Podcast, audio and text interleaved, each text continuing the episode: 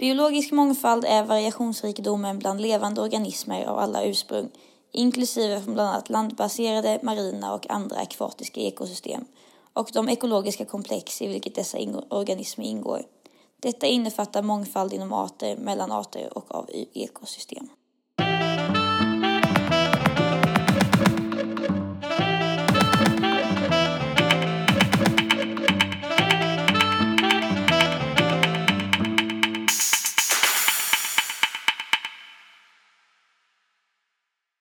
Och där, mina vänner, hörde ni Peg Magnusson läsa upp definitionen av biologisk mångfald enligt FNs konvention om biologisk mångfald.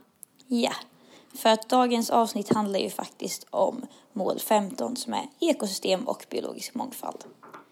Det här känns som ett avsnitt som kommer, i alla fall för mig, vara ganska svårt. För att det är någonting som man vet är otroligt viktigt. Mm. Och avgörande för den här planetens framtid. Men också någonting som känns svårbegripligt. Mm. Ja, det är någonting man inte riktigt har koll på, om vi säger så. Nej, precis. Den kollen man har kommer ju från natur, vad heter det, naturkunskapslektionerna i skolan. Ja, precis. Känns det som. Ja, och man vet ju väldigt mycket mer om eh, klimatförändringar och klimatet mer än vad man gör om just biologisk mångfald och ekosystem skulle jag säga. Precis. Det dyker ju upp mer i debatten också. Mm. Än vad biologisk mångfald gör. Mm. Eh, I nyheter och liknande. Men det betyder inte att det är mindre viktigt. Verkligen inte. Nej.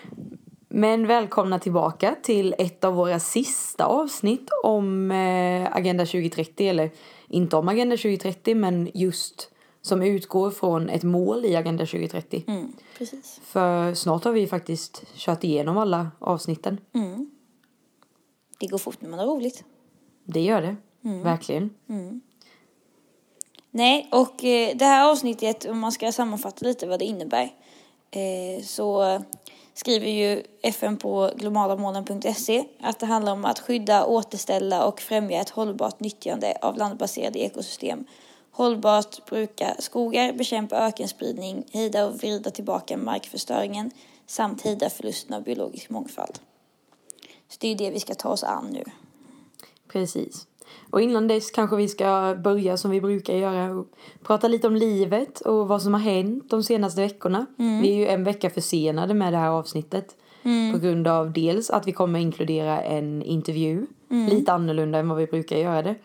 Eh, men också på grund av tentor och tidsbrist och lite så. Som det Precis. kan vara ibland. Ja, så är det ju. Livet Jajamän. kommer emellan. Ja, men hur är livet då? Hur är det i Sverige? Lund? Det är bra. Det var 20 grader förra veckan. I går snöade det och imorgon ska det vara Ja. 16 grader. Oj, oj, oj. Så att det går upp och ner.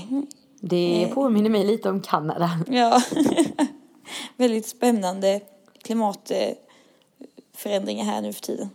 Jag kan tänka mig det. Ja, hur är livet i Barcelona? Ja, här har det regnat i helgen. Mhm. Huarna mejarna. Mm, Men annars är livet på topp. vad härligt. Det har varit fint väder här också fram till idag i princip förutom regnet då i helgen. Mm. Ehm, och idag var det jättekallt på morgonen. 8 grader kändes som 4 grader enligt iPhone-appen. Just för att det är så, luft, alltså så hög luftfuktighet här. Mm. Så det var på med kappa. Mm. Och det har ju hänt lite andra saker. Det har varit FN-dagen sen vi var här Mm. sista, senaste gången. Det har det. Och visst hade Lunds FN-förening ett event på FN Ja, precis. Det FN-dagen? var ju en eh, ljusmanifestation mot kärnvapen på Stortorget. Mm. Eh, och det verkade vara ganska lyckat tror jag. Jag kunde tyvärr inte närvara men det verkade som att det var ett, en hel del folk och mysig stämning. Ja, Väldigt det viktigt. såg väldigt fint ut Ja, på bilderna. väldigt viktigt. Verkligen, verkligen. Mm. Ja, sen har det kommit upp lite olika nyheter också. Jag tänkte att vi skulle gå igenom några av dem som har att göra med just klimat och miljö. Mm. För att komma in lite på det gröna ämnet. Mm. Dels, en liten spännande nyhet är att Japan idag har eh, skjutit upp en satellit för att göra klimatobservationer. De kallar den för GOSAT 2. Ehm, och det är för att landet ska kunna skapa utsläppsförteckningar. Och alltså se hur, eh, hur växtgas, växthusgaseffekterna har utvecklats. Okej. Så det är lite spännande Mm, faktiskt. verkligen. Eh, en annan nyhet har att göra med eh, smogen, som det kallas. Eh, som dras in, eller drar in över den indiska huvudstaden New Delhi. Nu under tiden, i lördags, under helgen i princip. Mm. Eh, och det är ett grått täcke av förorenad luft. Och jag ser här på bilder, alltså det är verkligen grått. Usch. Så då tänker man på Ebba, min kompis från Lund som också var med i den här podden och pratade om sin erfarenhet som volontär i Indien. Mm. Ehm, för hon är just nu i New Delhi och gör praktik på svenska ambassaden där. Mm. Men eh, det står här att på 25 av stadens 31 väderstationer så var luftkvaliteten så dålig att den kunde ha allvarlig påverkan på sjuka människor samt påverka de som inte har några an- andningsbesvär alls. Så det är verkligen ett allvarligt problem. Ja, det känns som Och- att det börjar hända mer och mer nu. Man hänger ju knappt med längre. Nej men verkligen. Eh, WHO har även eh, gått ut med ja, ett uttalande eller vad man ska säga om att man måste bekämpa den nya tobaken. Och då refererar man till giftig luft. Mm. Att man har lyckats vinna kampen mot tobaken. Mm. Eh, men att nu är det, nya farliga som hela världen andas in är den förorenade luften. Från trafik och utsläpp och Mm. allt möjligt. Mm. Ja, gud.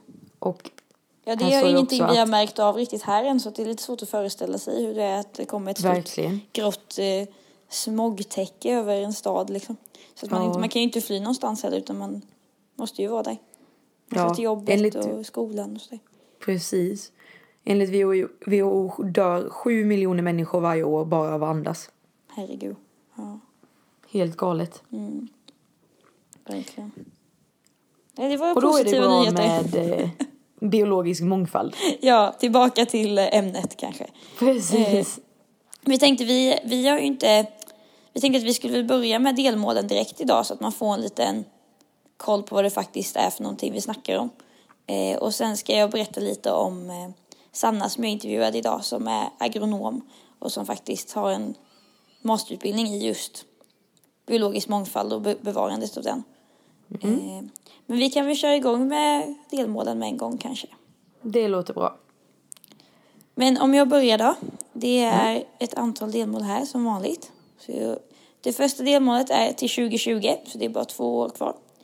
Eh, bevara, återställa och hållbart använda ekosystem på land och i sötvatten och deras ekosystemtjänster, särskilt skogar, våtmarker, berg och torra områden, i enlighet med de skyldigheter som anges i internationella överenskommelser. Det är nog ganska bråttom att fixa det om det ska hinnas till 2020, skulle Ja. jag gissa. Stora delar av världen. Det tror jag också. Mm. Okej, då ska vi se delmål nummer två. Till 2020, också två år kvar. Eh, främja genomförandet av hållbart brukande av alla typer av skogar. Stoppa avskogningen, återställa utarmade skogar och kraftigt öka nybeskogningen och återbeskogningen i hela världen. Mm. Många gånger det stod Så- skogar där. Ja, det var mycket skog i det här delmålet. Men det är det ju också otroligt bråttom med. Mm. Eh, det ska bli spännande att se hur eh, resultatet eh, på det här delmålet. Mm.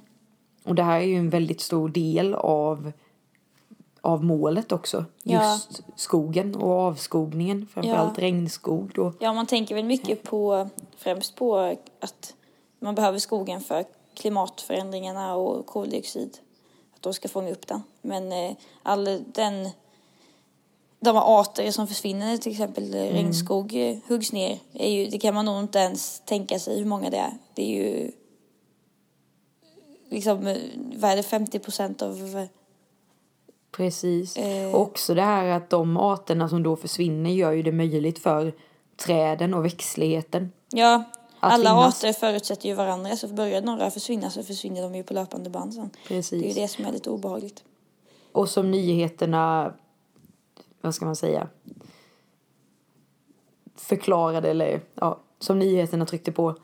Vi behöver ren luft. Vi behöver träd och växtlighet som kan hjälpa oss att rena luften som idag förorenar så mycket av mänsklig verksamhet. Verkligen. Nej, det är dags. Två Det år dags. kompisar. eh, delmål nummer tre. Till 2030 bekämpa ökenspridning, återställa förstörd mark och jord, inklusive mark som drabbats av ökenspridning, torka och översvämningar, samt strävar efter att uppnå en värld utan nettoförstöring av mark. Eh, och ökenspridningen är ju större, det finns ju större chans till ökenspridning på vissa delar av, i vissa delar av världen, till exempel västra USA, eh, i Afrika runt ekvatorn, de länderna som ligger där, eh, norra Afrika, södra Europa samt Mellanöstern är väl de ställena där det är störst chans att den, eller där det faktiskt sker. Eh, och den, man kan ju väl säga så här att den biologiska mångfalden i en öken är ju inte så eh, omfattande. Eh, och ju mer den sprider sig desto mindre yta för arter att faktiskt leva på. Jajamän. Delmål nummer fem. Vidta omedelbara och betydande åtgärder för att minska förstörelsen av naturliga livsmiljöer, hejda förlusten av biologisk mångfald och senast 2020 skydda och förebygga utrotning av hotade arter. Det pågår väldigt mycket arbete mot det, men det pågår samtidigt väldigt mycket kriminalitet och liknande som Mm, gör att den här, det här arbetet kanske inte kommer lyckas på all, gällande alla arter, tyvärr. precis. Och det är ju ett väldigt stort problem just den här illegala handeln. Eh, vi pratade lite om det innan, till exempel elfenben.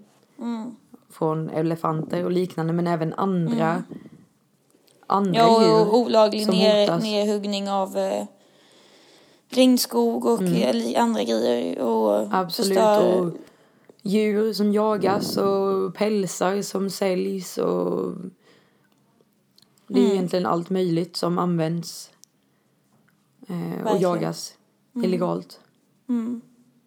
Definitivt. Eh, ska vi gå vidare till delmål nummer sex.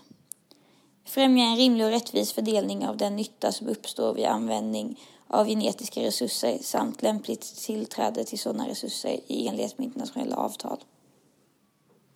Det är väl ganska mycket eh, GMO där, Mm.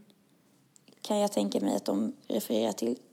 Eh, och skapandet ju- av nya arter och liknande som vi faktiskt inte riktigt har kontroll på vad vi höll på med när vi gör många gånger. Precis. Det har vi pratat ganska mycket om i den här podden. Om Mm. GMO och hur det ser ut i olika delar av världen och varför det kan vara bra på vissa sätt och dåligt på andra sätt. Mm.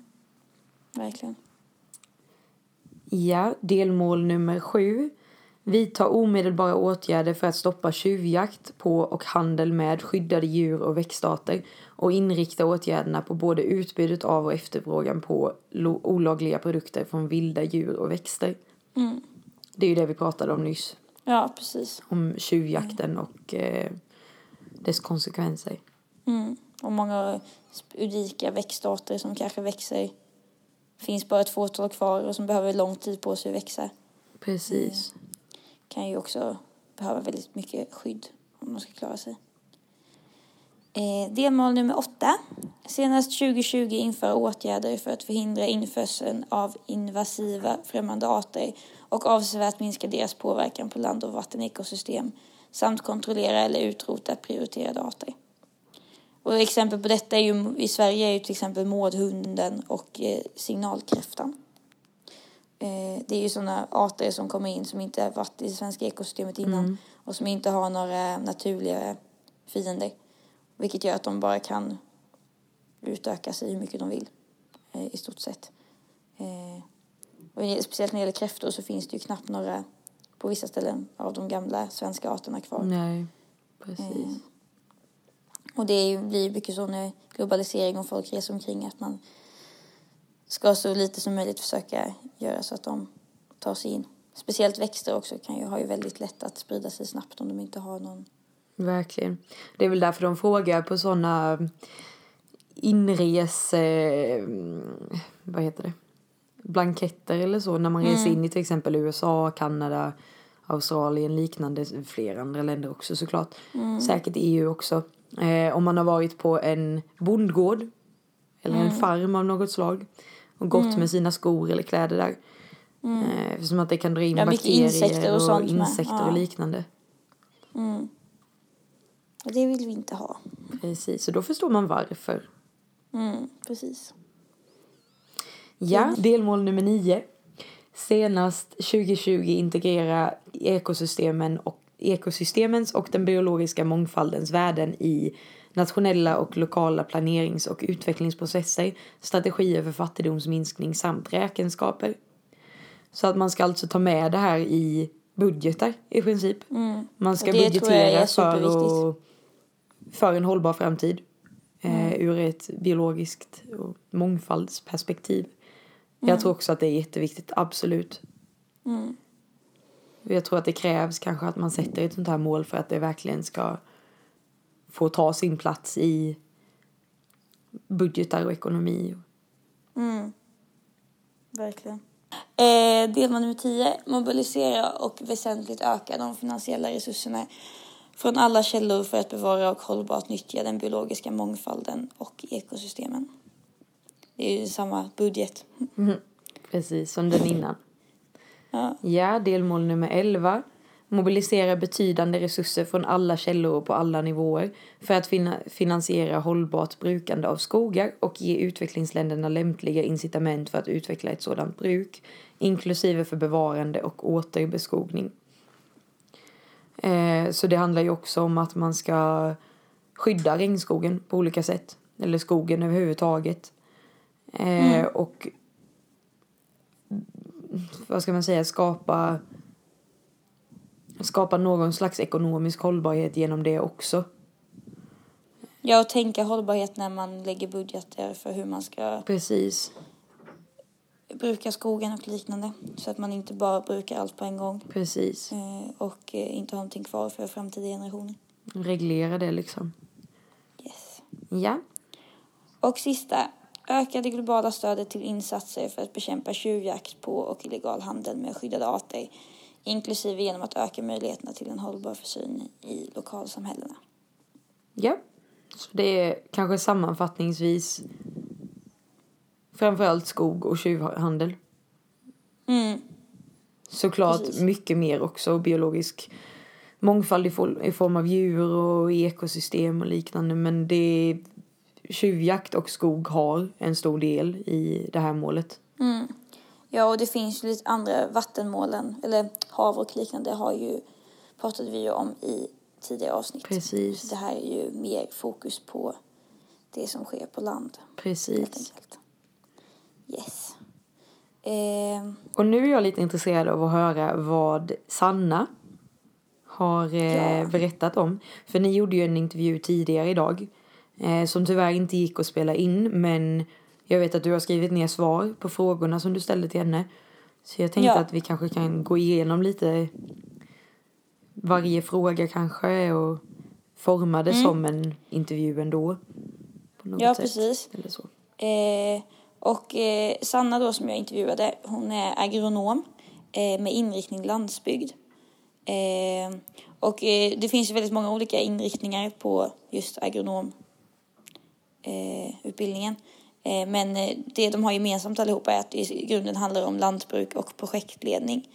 Eh, och eh, Sannas master var, handlade främst om naturresurshantering. Och då skrev hon väldigt mycket på, hon är från Småland. Från, Vad heter hon i efternamn? Gustavsson. Så Sanna Gustafsson är det vi, eller Peg, har eh, intervjuat idag. Ja, precis. Stort tack. Eh, och hon blev färdig, ja. Och hon blev färdig med sin master nu i våras och då så skrev hon om eh, naturbetesmarker och varför man håller på med det. Eh, och det var väldigt, väldigt spännande att höra lite om det för att naturbetesmarker, om man inte vet vad det är, det är sådana betesmarker som man har djur på för att hålla landskapen mer öppna. Man tänker man som skapar just de här ängarna och de det är de, alla de delarna av naturen som inte är varken skog eller eh, jordbruksmark helt enkelt. Eh, och de skapas ju via att djur betar på dem för att annars blir det skog där eftersom att Sveriges största problem är ju faktiskt inte avskogning utan det är snarare att om vi inte passar oss så kommer skogen ta över helt och hållet. Speciellt då granskog eftersom att de växer, inte behöver särskilt mycket näring och växer väldigt snabbt. Det har vi fått höra mycket om på våra naturlektioner. Mm. Det minns jag som ett starkt yeah. inslag. Planterar man ett barrträd i en lövskog då kommer det i sinom tid att bli en barrskog. ja, vi fick lära oss mycket vi när vi gick på gymnasiet. Det, det fick vi. Mm. Nej, och det vi pratade om lite mer sen i alla fall eh, var att jag frågade Sanna hur det fungerar när man läser till agronom, om man jobbar med de globala målen eller om de på något sätt implicerade i deras utbildning. Mm. Eh, och då sa de att de, det beror lite på vilken del av utbildningen man är i.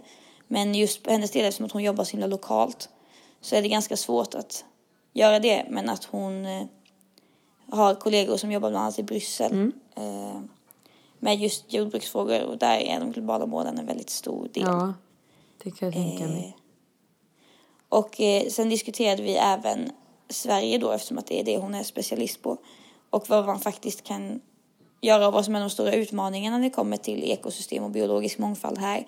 För som vi kom fram till när vi diskuterade delmålen innan så är det ju faktiskt så att de just det här tjuvjakt och avskogning och så, det är ju inte de problemen vi har. Eh, för att motverka biolog, eh, förlusten av biologisk mångfald så är det ju inte avskogning vi måste bekämpa direkt.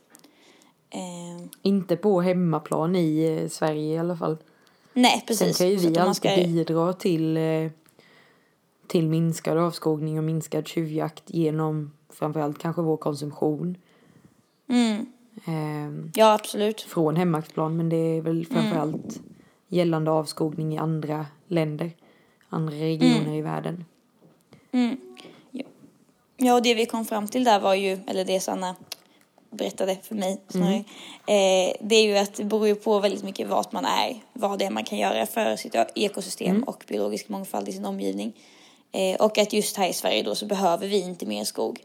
Utan det vi behöver för att värna biologisk mångfald är att vi vill ha kvar det så kallade Astrid Lindgren-landskapet som hon sa. Mm. Eh, Spännande. Öppna, öppna marker och ängar och liknande. Den här, eh, vad ska man säga, ideala bilden av Sverige. Sommar-Sverige. Ja. Eh, och då diskuterade vi vad man kunde göra för att faktiskt bevara det här. Eh, och det viktigaste är ju att vi har kvar de här betesdjuren som eh, kan eh, beta ner gräset och göra det så, så att det faktiskt den biologiska mångfalden kan fortsätta att spridas eh, och må bra. Eh, och ett av problemen med det är ju att man inte tjänar några pengar på att ha sådana betesdjur ofta. Nej. Eh, utan det är ju någonting som man får göra mycket för att man vill bevara kulturarv och liknande. Eh, och det är ju ett av de problemen som gör att den faktiskt minskar mer och mer i Sverige hela tiden. Att man inte kan tjäna på det. Och samt att det som vi faktiskt gör när vi säger att vi vill behålla det här och ha betesdjuren är ju att man eh, vad ska man säga, att man vill ha, man, att man behöver köttproduktionen eh, och mm. man behöver de här djuren. Eh, och vi har ju pratat väldigt mycket om det här i tidigare avsnitt att man ska inte äta kött och man ska inte, att det är dåligt för klimatet. Eh, men när det kommer till just den köttproduktionen som sker på så lokal nivå på sådana betesmarker så är det faktiskt just det som behövs för att ekosystemet och den biologiska mångfalden i Sverige ska överleva. Eh, och det tycker mm. jag var väldigt häftigt att höra för det har man inte tänkt på på det sättet innan. Nej. Att går det inga betesdjur på de där ängarna så försvinner ängarna. Och det första som försvinner då är alla de blommor och de art, växtarter som brukar frodas där för de överlever inte i till exempel en granskog. Eh, försvinner de så försvinner föda till många insekter, framförallt bin. Och försvinner bina, då försvinner pollineringen. Och ni förstår ju vad det här leder. Att Precis. det blir ju väldigt, väldigt många arter som drabbas just bara av att det inte går djur och betar på de här områdena. Eh, så det tyckte jag var väldigt spännande att höra när hon berättade om det här. Det visar ju... Det är ju en... Eh, det visar ju verkligen att allting har två sidor. Det finns alltid två sidor av myntet. Mm. Att vi behöver verkligen minska vår kött, köttkonsumtion. Konsumtion. Men Mm. vi behöver ju inte helt utesluta köttkonsumtion. Man kan äta kött men som en lyxvara i så fall. Ja, Och precis. eh, man kan se kött som en lyxvara. Och sen när man väl äter kött så kan man tänka på varifrån det kommer. Att man Mm. äter närproducerat kött och kött som är producerat på ett både etiskt och vad ska man säga socialt bra sätt. Miljömässigt Mm. också såklart men det kommer från Ja, rätt, men verkligen. rätt plats. Mm. Och det fick ju mig att börja tänka för att jag är ju vegetarian 90% av tiden men ibland äter jag fisk. Mm. Eh, och tittar man på, efter att jag hade pratat med Sanna så kändes det ändå som att egentligen kanske om man ska fuska lite ibland eller vad man ska säga kanske det är bättre att ta en lokalt producerad köttbit istället för att ta den där fisken som ändå har fått åka en bit och de stora utmaningarna som finns i till exempel Östersjön och andra hav kanske inte gynnas av att man fiskar men Nej. medan det här köttet faktiskt gynnar den biologiska mångfalden. Ja, man kan ju alltid variera sig också. Eller så man behöver inte utesluta det ena på grund av det andra. Utan så länge man bara, som till exempel fisken kan man ju leta efter den där märkningen som vi pratade om i sista, förra avsnittet. MSC-märket Just det. kan man leta efter. Mm. Så finns det, kan man äta fisk. Annars kan man äta lokalt producerat kött. Mm. Eller så kan man äta till exempel halloumi eller eh, Morot kan man äta. morötter eller chèvrepizza. Vegetariskt. Ja, det finns så mycket val. Det, det finns det. Mm. Vad sa hon mer? Och det pratade hon också om eh, att eh, just det här gräset som de faktiskt går och äter. Det är ju en resurs som vi inte kan använda på något annat sätt. Vi använder ju inte det gräset som växer på sådana ställen till någonting annat än just mat till betesdjur. Eh, och tittar man på det på det sättet kan man ju även säga att det här gräset leder ju till att vi får både ull, om det är får, vi får mjölk om det är kor till exempel. Vi får kött. Utan så att man, då tar man ju faktiskt vara på de resurserna vi har på ett helt annat sätt än att bara låta det gå och bli en skog som vi inte kan använda på alls samma, samma sätt som vi faktiskt använder de här betesmarkerna. Precis. Och även här har ju allting såklart för och nackdelar. Mm. Som skog till exempel. Att kan tillverka grejer av det, kan göra ved, liknande men... Ja, ved. Det kanske man inte ska elda med förresten. Hjälp! Ja, det märks Man att jag har ved. brus i... Vår teknik går inte jättebra idag heller så just nu är det Nej. brus från... Jag tror det är från dina hörlurar. I mina det hörlurar som åker mellan Sverige och Spanien. Mm. och även eh, en lång timmes teknikförsök innan. Ja, shit. Men eh, vi är här Det har där. inte varit lätt där. Vi är här där. Ja. Vi är här. Ja. Vi spelar in ändå. ja. Peg spelar in ett röstmemo Ingenting som vi ska klippa ihop. Det kan bli spännande. Det där. kommer bli väldigt spännande. Nej, men så det var ju det viktigaste vi pratade om skulle jag säga. Eh, sen diskuterade vi även lite Östersjön och det problemet som finns där. Eh, och då berättade Sanna att de har gjort försök nu i sommar när det varit torka. Eh, att faktiskt, eftersom att det är just eh, spillningarna eller det som kommer ut från jordbruket i både Sverige och de andra länderna runt omkring Östersjön som gör att försurningen är ett så stort problem. Eh, så de har försökt lösa det här genom att faktiskt bevattna grödorna längs kusten vid jordbruken med vatten från Östersjön. Eh, och när de gjorde det i sommar så insåg de att det faktiskt hjälpte till för att det skapade mer cirkulation i vattnet, vilket är ett av problemen med försurningen. Och om man kan använda det mer så kanske det faktiskt kan göra att det kan bli en positiv trend och skapa en skillnad i vattnet där ute. Ja, Och det är ju faktiskt någonting vi behöver göra någonting åt. Det är det ju Det är ju nästan redan för sent men man kan väl förhoppningsvis kanske ändra det. Ja, man får ju hoppas på det. Med nya, ny teknik och nya innovationer så Mm. Ja, men precis. finns ju möjligheten. Ja. Och hennes hälsning när det gällde vad man kan göra som privatperson Mm. är ju framförallt det här att tänka till och kanske inte tänka nu ska jag sluta äta kött som ett förbud utan bara tänka nu ska jag äta mer närproducerat och mindre kött för att det är mitt genomtänkta val Mm. och se det som en utmaning och något positivt istället för ett bara förbud som man måste följa för att man inte har någonting val, något val. Precis. Jag tycker det är väldigt intressant att höra det ur ett, eh, alltså ur ett miljöperspektiv. Ändå. Eh, att det faktiskt finns en sån sida. Mm, Så verkligen. annorlunda. oftast eller så. det- Och det visar ju också Ja. att det här, det här perspektivet mångfald eller biologisk mångfald tas inte upp lika ofta som klimatförändringar eller Nej. koldioxidutsläpp eller liksom Mm. så. Även fast de också går, i, går ihop väldigt mycket. Mm. Till exempel flyg påverkar ju ehm, luften. Vilket påverkar Mm. ekosystemen. Eh, ett exempel på det är Llobregat- Llobregat-deltat eh, utanför Barcelona. Som tar väldigt stor skada av den ökade flygtrafiken eh, från Barcelonas flygplats.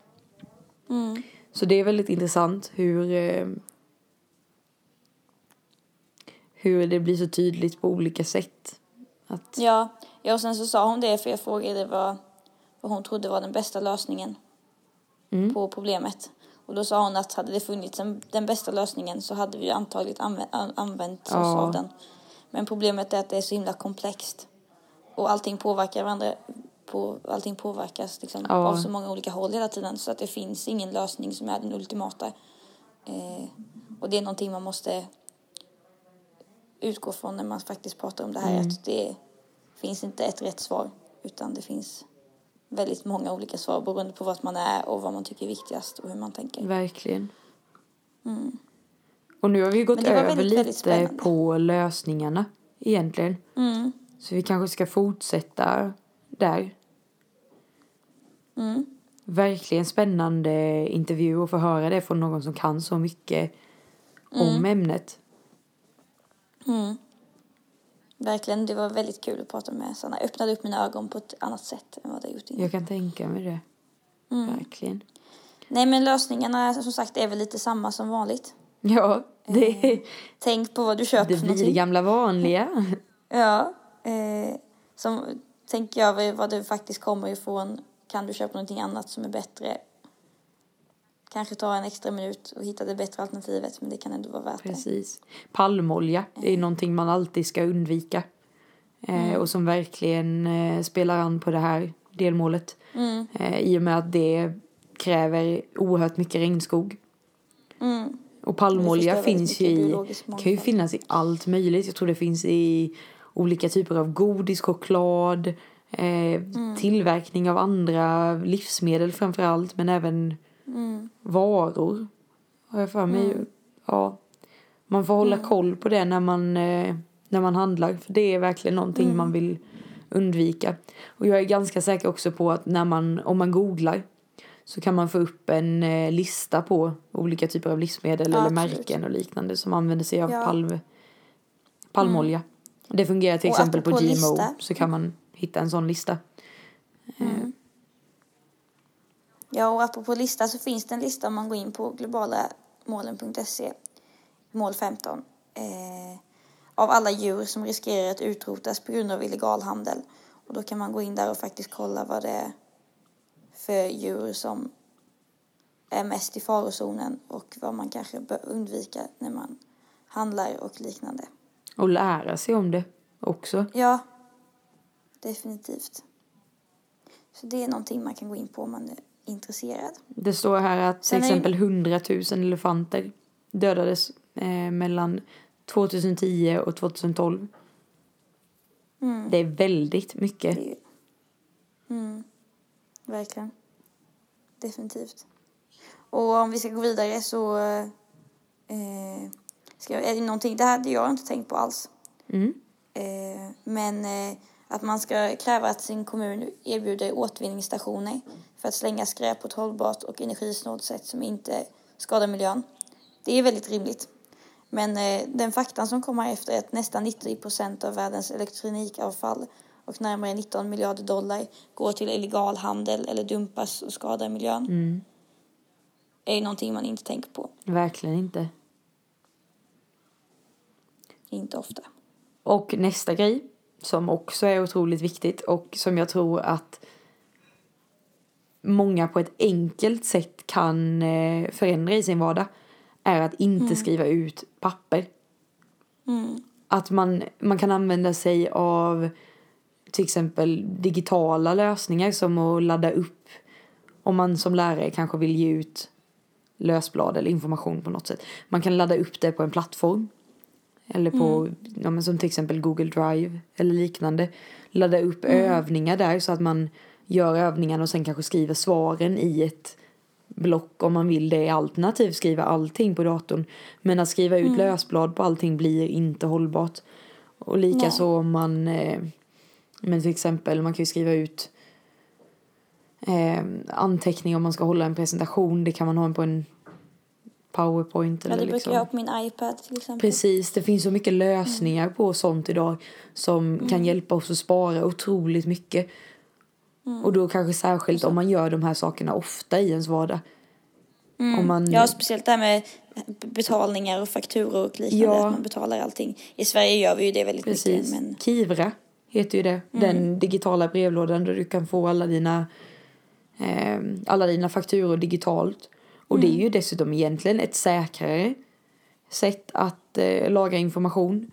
Eh, Än att du, det flyger runt massa post som kan hamna lite var som och, eller som kan komma bort eller bli stulen eller något liknande. Visst, det kan bli hackat men det är ändå, jag tror att det är relativt säkert, Kivra. ja, det tror jag. Eh, Definitivt. Precis, och sen också att där kan du alltid hitta det.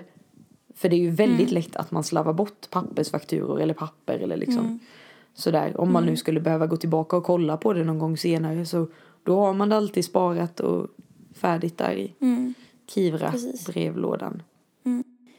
Plantera träd. Det har ni sagt innan. Inte i Sverige dock har vi lärt oss att man inte ska plantera fler träd. Det behövs inte här. Men i eh, andra eh, organisationer som har kampanjer för att plantera mer träd och liknande är alltid bra att stötta. Och träd är Eh, ju och bra. samma- Och i städer Ja. och sådär kan man ju alltid plantera absolut. lite till. Och samma sak att stödja insatser som hjälper utrotningshotade arter och liknande. Eh,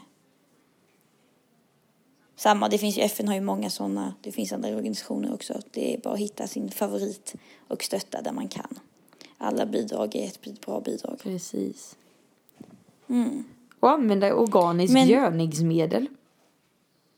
Avstå Ja, från användningen av giftiga preparat som skadar jorden. Också viktigt, Ja. kanske någonting som man inte tänker så jättemycket på när man är, bor i lägenhet eller inte har ett hus eller, eller så. Men Om man någon gång ska påta i trädgården, då precis, ska man tänka på det. då, då är det dags. Organiska gödningsmedel. Mm. Men det var väl lite det vi hade att komma med idag. Det var nog det faktiskt. Jag har lärt mig mycket. Jag har också lärt mig väldigt mycket men jag tycker fortfarande att det är ett svårt mål.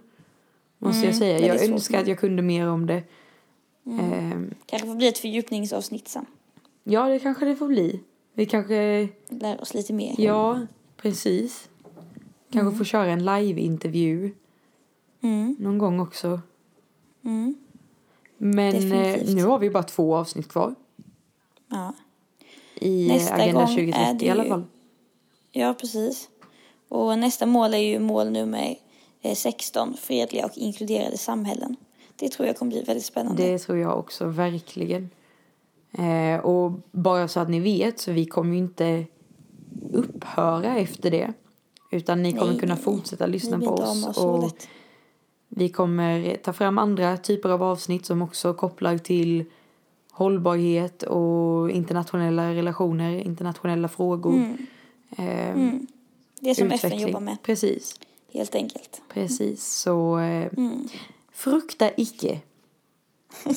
Hur man räddar världen kommer fortsätta rädda världen. Yes. Tillsammans med Lunds FN-förening. Jajamän, tillsammans med Lunds FN-förening.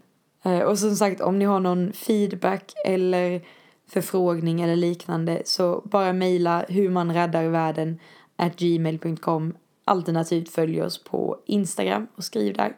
Där vi Yes. också heter hur man räddar världen. Do it.